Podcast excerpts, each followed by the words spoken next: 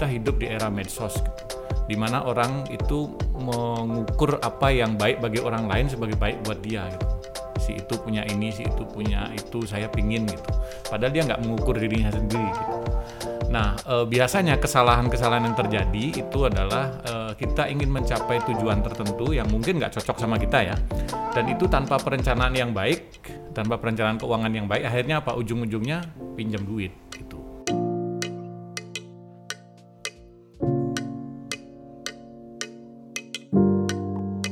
Halo kawan UGM, uh, welcome back di UGM Podcast podcast di mana kita bisa sharing informasi dan berbagai ilmu pengetahuan buat kawan UGM semuanya yang sedang mendengarkan di mana pun kalian berada. Di kesempatan kali ini kita akan ngobrol tentang pentingnya mengatur keuangan dan senang sekali karena pada kesempatan kali ini sudah hadir bersama saya Bapak Iwayan Nuka Lantara MSI PhD.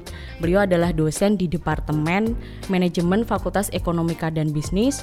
Beliau juga pakar perbankan, keuangan dan investasi. Hai Pak. Halo, selamat siang ya. Oke, boleh selamat apa aja. Oke, pentingnya mengatur keuangan. Berarti penting ya Pak ya? Penting. Oke, kalau gitu pertanyaan pertama saya adalah seberapa penting sih kita untuk eh, mengatur keuangan, terutama mungkin untuk kawan UGM kan yang masih duduk di bangku kuliah gitu. Karena menurut saya semakin dini kita bisa mengatur keuangan kayaknya akan semakin bagus gitu untuk masa depan. Baik, uh, saya kira begini ya, setiap orang itu kan punya uh, financial goals masing-masing. Ada yang pingin nanti uh, break semester bisa jalan-jalan ke luar negeri, ada mungkin yang pingin nanti punya rumah gitu, atau mungkin punya investasi untuk masa depan. Bahkan ada kalau yang berpikir jangka panjang, saya ingin pensiun lebih nyaman gitu. Nah itu pertama jadi tujuan ini harus disiapkan uh, dengan baik ya gitu dan betul tadi poinnya adalah sejak dini mungkin gitu. Uh, lalu yang kedua, uh, saya kira kondisi kita kan ada di negara yang uh, berkembang ya gitu. Uh, biasanya ciri-ciri negara berkembang itu inflasinya relatif tinggi gitu. Nah maknanya apa? Biasanya harga-harga bakalan naik tuh gitu. Nah, kalau kita tidak membuat perencanaan keuangan dengan baik, tiba-tiba aja kita sudah menemui bahwa kalau harga-harga naik, lalu daya beli saya nggak cukup gitu. Nah, hal lain yang saya kira fenomena yang banyak terjadi sekarang adalah uh, kita hidup di era medsos gitu, di mana orang itu mengukur apa yang baik bagi orang lain sebagai baik buat dia gitu. Si itu punya ini, si itu punya itu, saya pingin gitu. Padahal dia nggak mengukur dirinya sendiri gitu. Nah, e, biasanya kesalahan-kesalahan yang terjadi itu adalah e, kita ingin mencapai tujuan tertentu yang mungkin nggak cocok sama kita ya. Dan itu tanpa perencanaan yang baik tanpa perencanaan keuangan yang baik akhirnya apa? Ujung-ujungnya pinjam duit gitu. Hutang ya itu dan itu biasanya membawa masalah sendiri sih. Nah saya kira uh, itu yang uh, mengapa pentingnya melakukan perencanaan keuangan ya. Karena setiap orang punya goals uh, punya tujuan keuangan masing-masing lalu dia harus menghadapi harga-harga yang kemudian terus naik begitu. Nah ini perlu perencanaan keuangan yang baik kira-kira begitu. Oke, kalau tadi ngomongin goals, kemudian menghadapi situasi-situasi yang mungkin tidak akan pernah sama gitu ya, itu kira-kira gimana sih Pak? E, caranya mengatur keuangan secara bijak atau mungkin mengelola keuangan secara bijak? Jadi apakah mungkin kita harus membuat perencanaan jangka pendek, menengah, jangka panjang, seperti itu mungkin misalnya? Ya, uh, terima kasih. Jadi kalau kalau perencanaan keuangan itu betul ya, ada yang uh, apa namanya jangka pendek, ada yang menengah, jangka panjang ya, tergantung time horizon yang kita punya. Gitu. Nah, kalau kita berpikir sekarang uh, yang namanya perencanaan itu kan biasanya uh, kita harus punya waktu khusus ya kira-kira bagi saya gitu ya. Uh, itu sebenarnya ada dua atau tiga deh tiga hal yang perlu di, diperhatikan ya kalau kita bikin perencanaan ya. Pertama adalah kita evaluasi dulu kondisi keuangan kita saat ini seperti apa ya. Sebelum bicara tujuan ya kondisi sekarang saya itu seperti apa? Saya punya aset berapa? Saya punya pinjaman berapa? Angsuran per bulan berapa? Income saya berapa ya ibaratnya orang e, masalah kesehatan kan harus tahu dulu ya kondisi fisik sekarang lalu e, setelah kita cek kondisi keuangan kita sekarang lalu kita cek lagi keuang e, rencana yang jangka pendek saya apa menengah apa jangka panjang apa Nah, lalu kita coba set sekarang kondisi sekarang untuk mencapai yang jangka pendek ini gimana, mencapai tujuan jangka menengah gimana, yang panjang gimana. Nah, eh, lalu kita pikir sekarang caranya gimana gitu. Setelah tahu kondisi sekarang, terus goalnya di sini, misal nih, misal saya pingin misalnya eh, atau nih adik-adik mahasiswa mungkin ya gitu ya, pingin nanti setelah lulus S1 kira-kira empat tahun lagi saya mau lanjutkan kuliah S2 gitu. Nah itu kan kira-kira dia punya waktu empat tahun ya. Nah itu dia harus mengukur kondisi keuangannya sekarang, eh, lalu disupport orang tua lah katakan ya. Kira-kira dia harus menabung berapa tiap bulan gitu ya, mungkin bantu orang tuanya gitu ya, membantu bikin perencanaan. Kita kira dia harus invest berapa setiap bulan sampai kemudian empat tahun kemudian itu terencana dengan baik dan kemudian akhirnya terkumpul uang yang syukur-syukur cukup gitu ya. Nah Eh, jadi penting sekali untuk menentukan tujuan baik itu jangka pendek, jangka menengah dan jangka panjang ya dengan cara tadi itu. Pertama cek dulu kondisi keuangan kita sekarang, lalu yang kedua tentukan tujuannya apa dan kira-kira butuh duit berapa tuh gitu. Lalu yang ketiga eh, hubungkan dua titik ini kondisi sekarang sama eh, tujuan masa depan ini ya. Gimana caranya saya bisa dapat tujuan ini? Ya kira-kira begitu. Oh oke.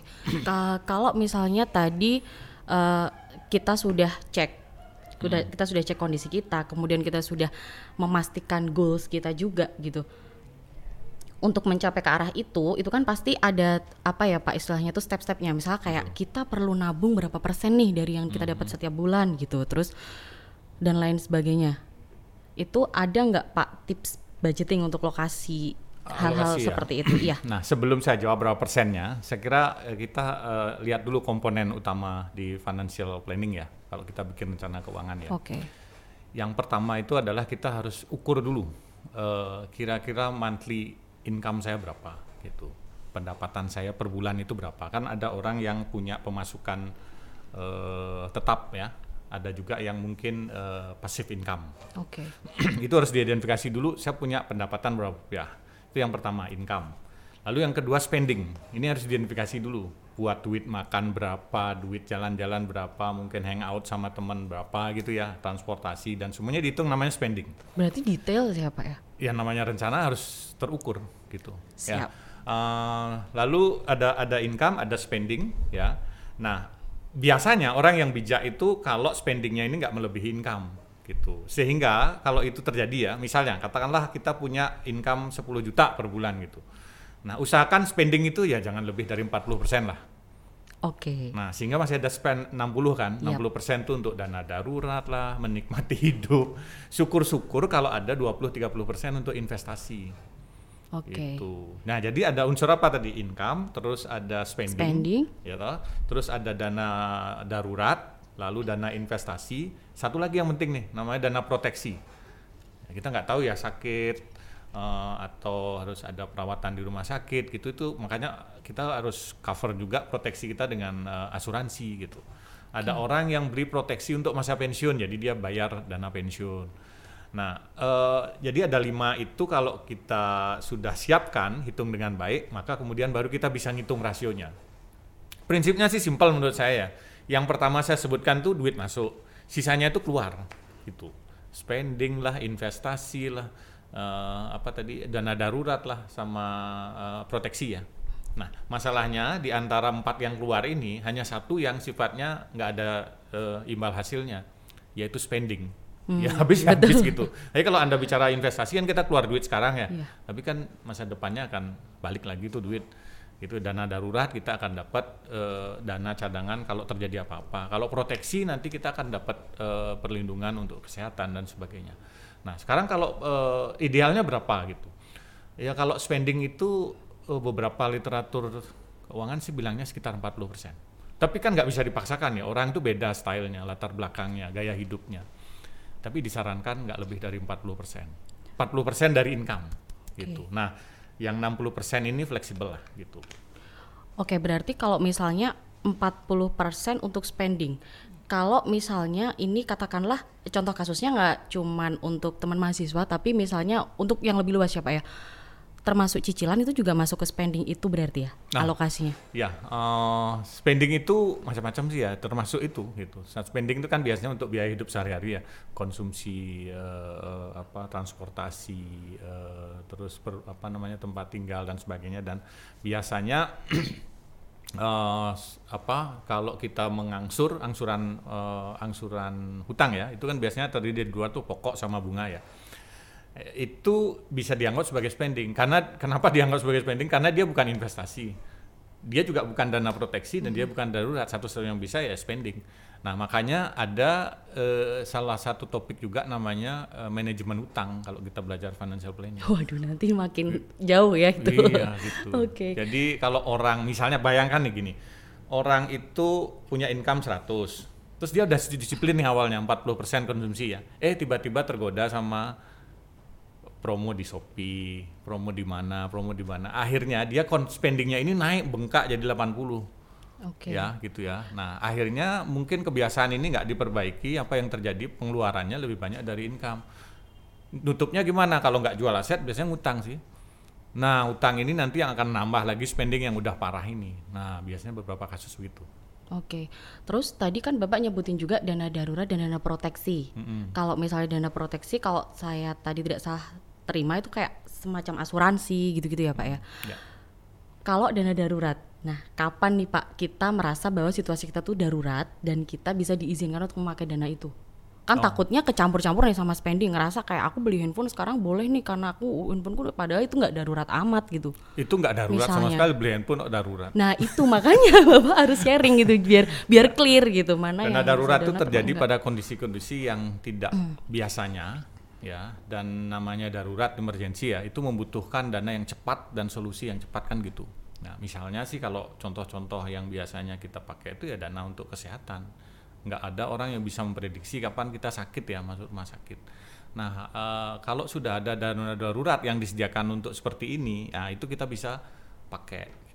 Dana darurat itu mungkin juga tiba-tiba anggota keluarga kita harus Kena bencana melaksanakan alam, misalnya gitu. bencana- Iya. pernikahan atau apa atau itu kan kadang-kadang eh, apa ya sifatnya kan sudah disiapin sih tapi mungkin duitnya nggak nggak cukup ya. Nah itu pentingnya dana darurat. Nah tapi kalau masalah teman saya pakai handphone terbaru, saya pingin, nah ini masalah lain nih. itu nggak darurat. Oke. Kalau gitu eh, selanjutnya ngomong-ngomong tentang investasi mungkin ya Pak ya. Kan zaman sekarang tuh kita gampang banget rasanya mau investasi gitu. Kita sambil tiduran, sambil pegang handphone aja kita bisa berinvestasi. Banyak juga yang menawarkan investasi-investasi dengan sangat mudah gitu. Tapi dengan berbagai situasi yang dialami masyarakat sekarang juga eh, kecenderungannya tuh kan orang pengennya investasi cepet terus dapetnya returnnya gede juga gitu. Akhirnya justru bukan investasi malah jatuhnya kayak investasi bodong atau sebagainya gitu. Nah mungkin bapak bisa berbagi informasi biar gimana sih cara kita nggak ter, gampang tergiur dengan investasi-investasi kayak gitu. Setahu saya ya, fenomena yang eh, seperti itu disebut dengan FOMO itu, fear of missing out. Gitu. Yes, Terus betul. Pokoknya ada orang ikut apa, saya lagi ngehits saya ikut gitu. Nah, eh, saya kira ada empat eh, komponen utama nih yang harus di- dicek kembali ya, diperhatikan kembali. Pertama, kita harus kenal dulu instrumen investasi ini apa sih, barang apa sih gitu. Ya cari, sekarang kan eranya gampang ya, cari dari internet, testimoni, mungkin dari eh, sumber-sumber eh, dari OJK dan sebagainya. Sehingga kita punya informasi yang cukup kira-kira investasi ini eh, karakteristiknya seperti apa, return per bulannya berapa gitu ya, misalnya, sehingga sampai pada kesimpulan gitu, apakah ini sesuatu yang too good to be true, gitu, ya.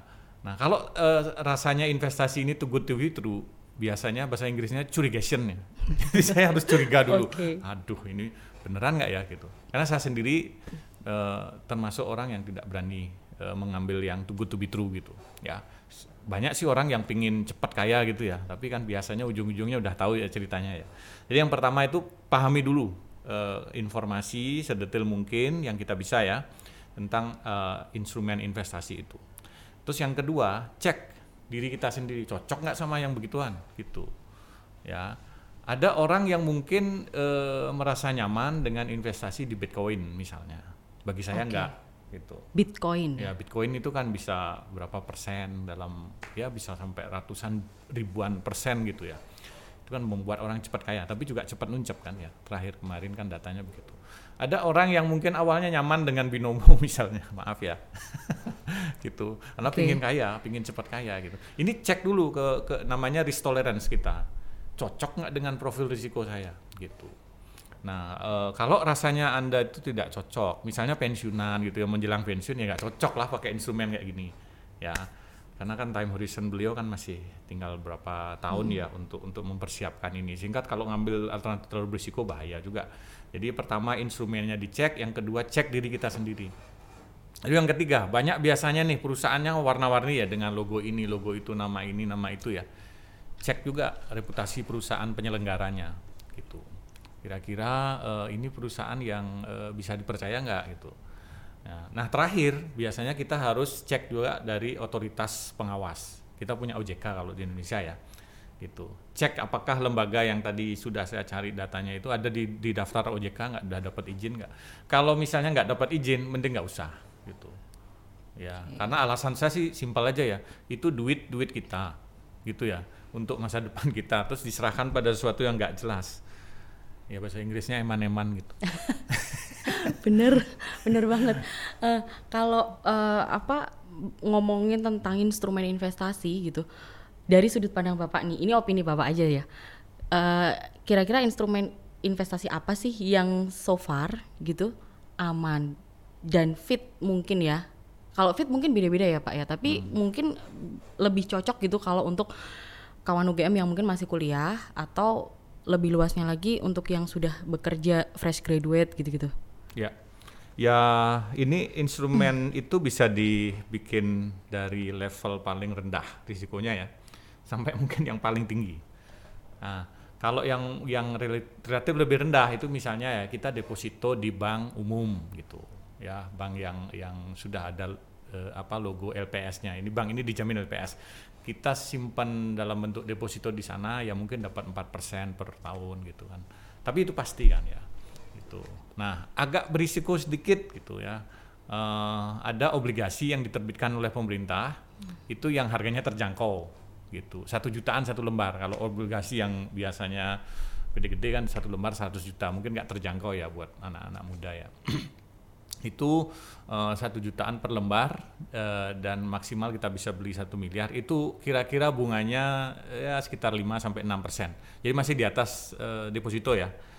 Nah ini masih tergolong aman karena ya penerbitnya pemerintah gitu. Iya, benar. Ya kan? Ya, itu mohon maaf Pak, itu kayak SBN gitu bukan sih? Ya surat berharga negara tapi karena dia retail ya makanya disebut ORI obligasi Oh, retail Indonesia biar oke. lebih terjangkau gitu. Ya kalau surat berharga negara kan juga iya ya gitu tapi biasanya yang beli kan korporasi tuh yang duitnya gede-gede. Nah eh, jadi ada deposito ada obligasi yang diterbitkan oleh pemerintah ambil yang retail ini nyalinya agak agak gede dikit gitu ambil reksadana misalnya itu juga banyak. Reksadana itu kita nitip duit di fund manager nanti mereka yang ngolahkan. Kita dapat untung. Agak tinggi dikit risikonya saham. Gitu.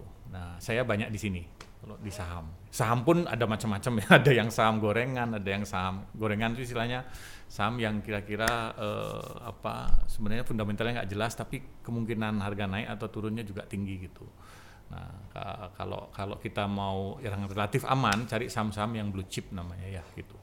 Saham-saham yang perusahaannya jelas, perusahaannya besar dan market caps-nya di pasar tinggi. Nah, di atas itu ada instrumen namanya derivatif gitu. Dan teman-temannya ya, mungkin teman-temannya di atasnya lagi ada nggak? Mungkin ada ya, semacam eh, apa investasi-investasi dalam bentuk Bitcoin atau togel barangkali. itu investasi ya. Oke. Eh, kalau dari semua instrumen yang Bapak sebutin tadi, kalau misalnya saya eh, menyebut emas gitu, itu termasuk instrumen investasi yang seperti apa? Ya kenapa ya Kok wanita itu secara, nalu, secara naluriah itu Oh. investasinya emas ya? Kirain kirain cowok juga ngomonginnya emas. Wah enggak, oh, enggak cowok ya? apaan ngomongin Oke. emas? Oke, itu gimana Pak? Eh, investasi di emas itu itu eh, ada ada beberapa pendapat sih ya gitu. Ada yang menganggap investasi emas itu sebenarnya nggak nggak ada value added-nya, hanya kita berharap pada harganya naik atau turun gitu ya. Beda kan kalau kita beli saham kan itu duitnya masuk ke perusahaan terus dipakai untuk invest gitu. Kalau tapi emas itu adalah instrumen favorit loh di Indonesia. gitu. Uh, tergantung sih ada modelnya emas batangan, ada emas koin, ada yang juga perhiasan ya. Tapi uh, ada beberapa studi empiris mengatakan begini, pergerakan harga emas itu biasanya berkebalikan sama alternatif investasi lain. Jadi misalnya ya kalau uh, investasi lain lagi anjlok, malah emasnya naik gitu. Nah ini yang biasanya diambil oleh orang, uh, oleh investor ya. Kenapa mereka investasi di emas? Mereka ingin dapat instrumen yang justru pada saat pasar lagi down, malah mereka dapat keuntungan gitu karena kan ada semacam switching dari pasar modal kalau lagi nggak bagus ya orang lalu shift ke shifting ke emas. Nah harganya jadi naik. Nah dari situ dia dapat keuntungan. Itu sah-sah saja sih ya. Pilihan investasi itu kan macam-macam. Nggak selalu surat berharga yang saya sebut tadi loh ya. Ada juga yang di real asset. Banyak tuh anak-anak eh, mahasiswa IFB juga ada yang bikin cafe misalnya. Mereka bikin grup terus bikin tempat untuk uh, barbecue gitu. Ada yang nyewain alat untuk barbeque, apa pun ya, ada yang lewat e-commerce. Itu juga bagi saya investasi. Uh, dari yang semua instrumen investasi yang bapak sampaikan tadi gitu, investasi itu harus yang mudah kita cairin nggak sih pak? Hmm, Oke. Okay. Atau atau uh, misalnya kita memang membutuhkan uh, dana gitu, ya itu yang kita pakai, kita pakai dana darurat gitu, bukan investasinya. Oke, okay, uh, eh, ya tentu saja masing-masing instrumen itu punya ciri-ciri sendiri ya gitu. Ada yang gainnya mungkin tinggi gitu, returnnya tinggi, tapi nggak liquid misalnya. Orang bicara properti misalnya kan ekspektasinya ya setahun bisa harganya dua kali lipat, tapi kan barangnya nggak liquid. Ya, uh, ada juga mungkin yang uh, investasi itu uh, dalam setahun itu sudah bisa dicairin pasti, tapi bunganya kecil kayak deposito, ya. Hmm. Nah kayak gitu. Nah, uh, kita harus uh, mengukur juga nanti kira kira-kira yang cocok dengan tujuan keuangan saya apa. Ini contoh nih contoh ya. Um, ada uh, ada senior saya gitu, ya. Beliau itu udah pensiun. Menjelang pensiun tuh pernah cerita ke saya gitu. Ini semua saham saya jual loh mas gitu. Uh, karena uh, terus saya pindah ke obligasi semua gitu. Ya, kenapa pak gitu? Karena Uh, sepertinya profilnya nggak cocok buat saya kan udah mau pensiun nih. Saya pingin sesuatu yang pasti dan saya nggak trading lagi. Kalau dulu beliau mungkin trading ya jual beli jual beli jual beli. Nah mau mau pensiun itu beliau pingin hidupnya tenang gitu. Akhirnya semua uh, saham-saham beliau dijual terus geser ke obligasi. Obligasi itu tinggal duduk manis gitu dapat bunga nanti pada saat jatuh temponya pencairan dapat duit ya beliin lagi gitu. Nah jadi memang tergantung pada kondisi sama profil dari risk tolerance orang gitu. Orientasinya mau mana dulu? Kalau mau memang likuiditas, ya jangan main di aset-aset yang non liquid gitu. Emas kan misalnya termasuk yang relatif liquid ya. Nah kalau orang memang orientasinya itu ingin dapat persentase return sekian, tapi juga liquid anytime bisa dijual beli, ya ya harus ngambil instrumen yang yang liquid gitu. Itulah mengapa misalnya saya lebih banyak di saham Okay. Nah saham itu memberi fleksibilitas buat saya gitu. Jadi, Jadi mis misalnya ada ada alternatif lain nih misalnya properti gitu ya, ada tawaran bagus nih gitu. Uh, dana yang saya punya nggak cukup. Caranya ya saham itu saya jual gitu, ya kan? Saya jual, pindah jadi cash, saya beliin properti gitu. Nah nanti pada saat properti itu bagus, itu saya udah siap secara mental ya. Barang-barang ini nggak liquid, nggak gampang jualnya, nggak seperti saham. Itu sehari juga langsung deal ya kalau sahamnya liquid ya. Dalam waktu T plus 2 kita udah dapat cash masuk. Kan cepet tuh. Tapi kalau properti kan kayak gitu. Harus proses di notaris lah segala macam ya di BPN. Paling nggak butuh waktu satu bulanan, tiga bulanan lah. Baru cair tuh duit beneran. Nah kalau kalau konteks tadi begitu properti itu sudah lumayan ya kita jual ya. Lalu nunggu agak lama sih likuiditasnya baru kita pindah lagi ke instrumen yang lainnya. Gitu sih. Jadi kita e, harus cocokkan dulu. Orientasinya apa dulu gitu. Jadi tujuan itu sorry sorry. Instrumen itu menentukan tuju, e, menyesuaikan dengan tujuan. Bagi okay. saya gitu. Oke. Okay. terakhir pak tips membuat financial planning untuk teman-teman yang masih kuliah atau mahasiswa? Hmm, Oke. Okay. um, saya agak uh, cerita nih ya gitu. Beberapa kali itu saya diundang untuk memberi misalnya ada pelatihan gitu, ya. Tahu nggak judul pelatihannya? Um, pers persiapan pensiun. Nah gitu.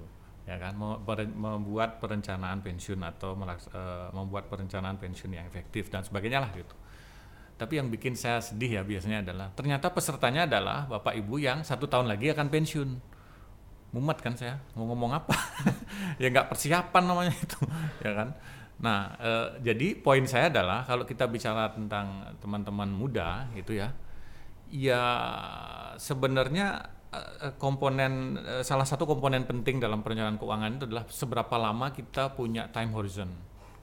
Ya, gitu. Beda kan kalau misalnya kita sudah usia 60 tahun, ya lima tahun lagi pensiun baru nyiapkan. Nah, ini biasanya konsekuensinya kita harus membutuhkan uang secara rutin yang lebih besar per bulannya.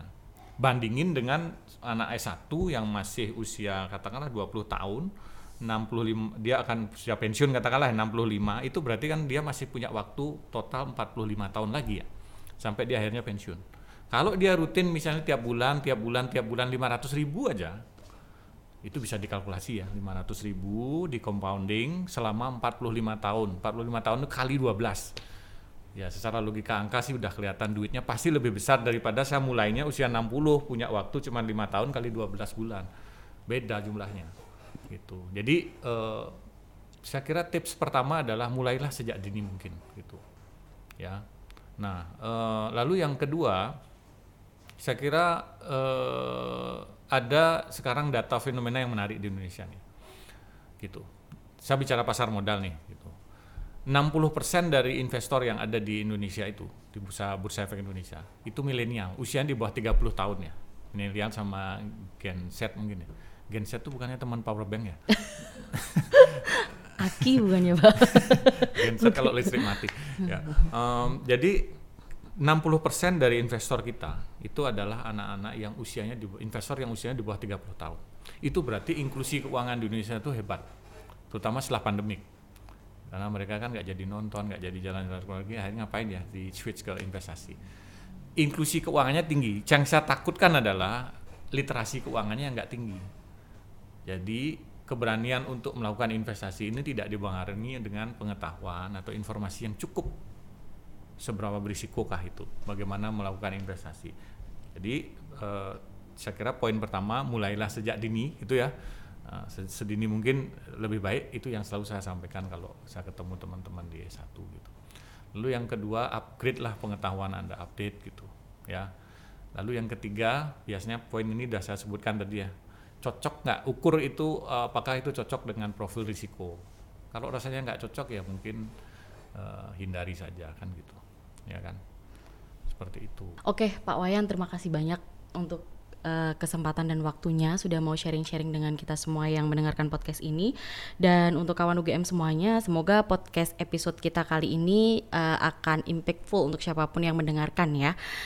Jangan lupa juga untuk selalu mendengarkan podcast UGM di kanal YouTube-nya UGM Yogyakarta, Spotify dan juga di Google Podcast. Dan buat kawan UGM semuanya yang merasa bahwa informasi yang disampaikan di podcast-podcast kita itu bermanfaat, jangan lupa untuk kalian share juga di sosial media kalian supaya makin banyak orang yang bisa mendapatkan ilmu dan manfaat dari podcast-podcast kita. Terima kasih.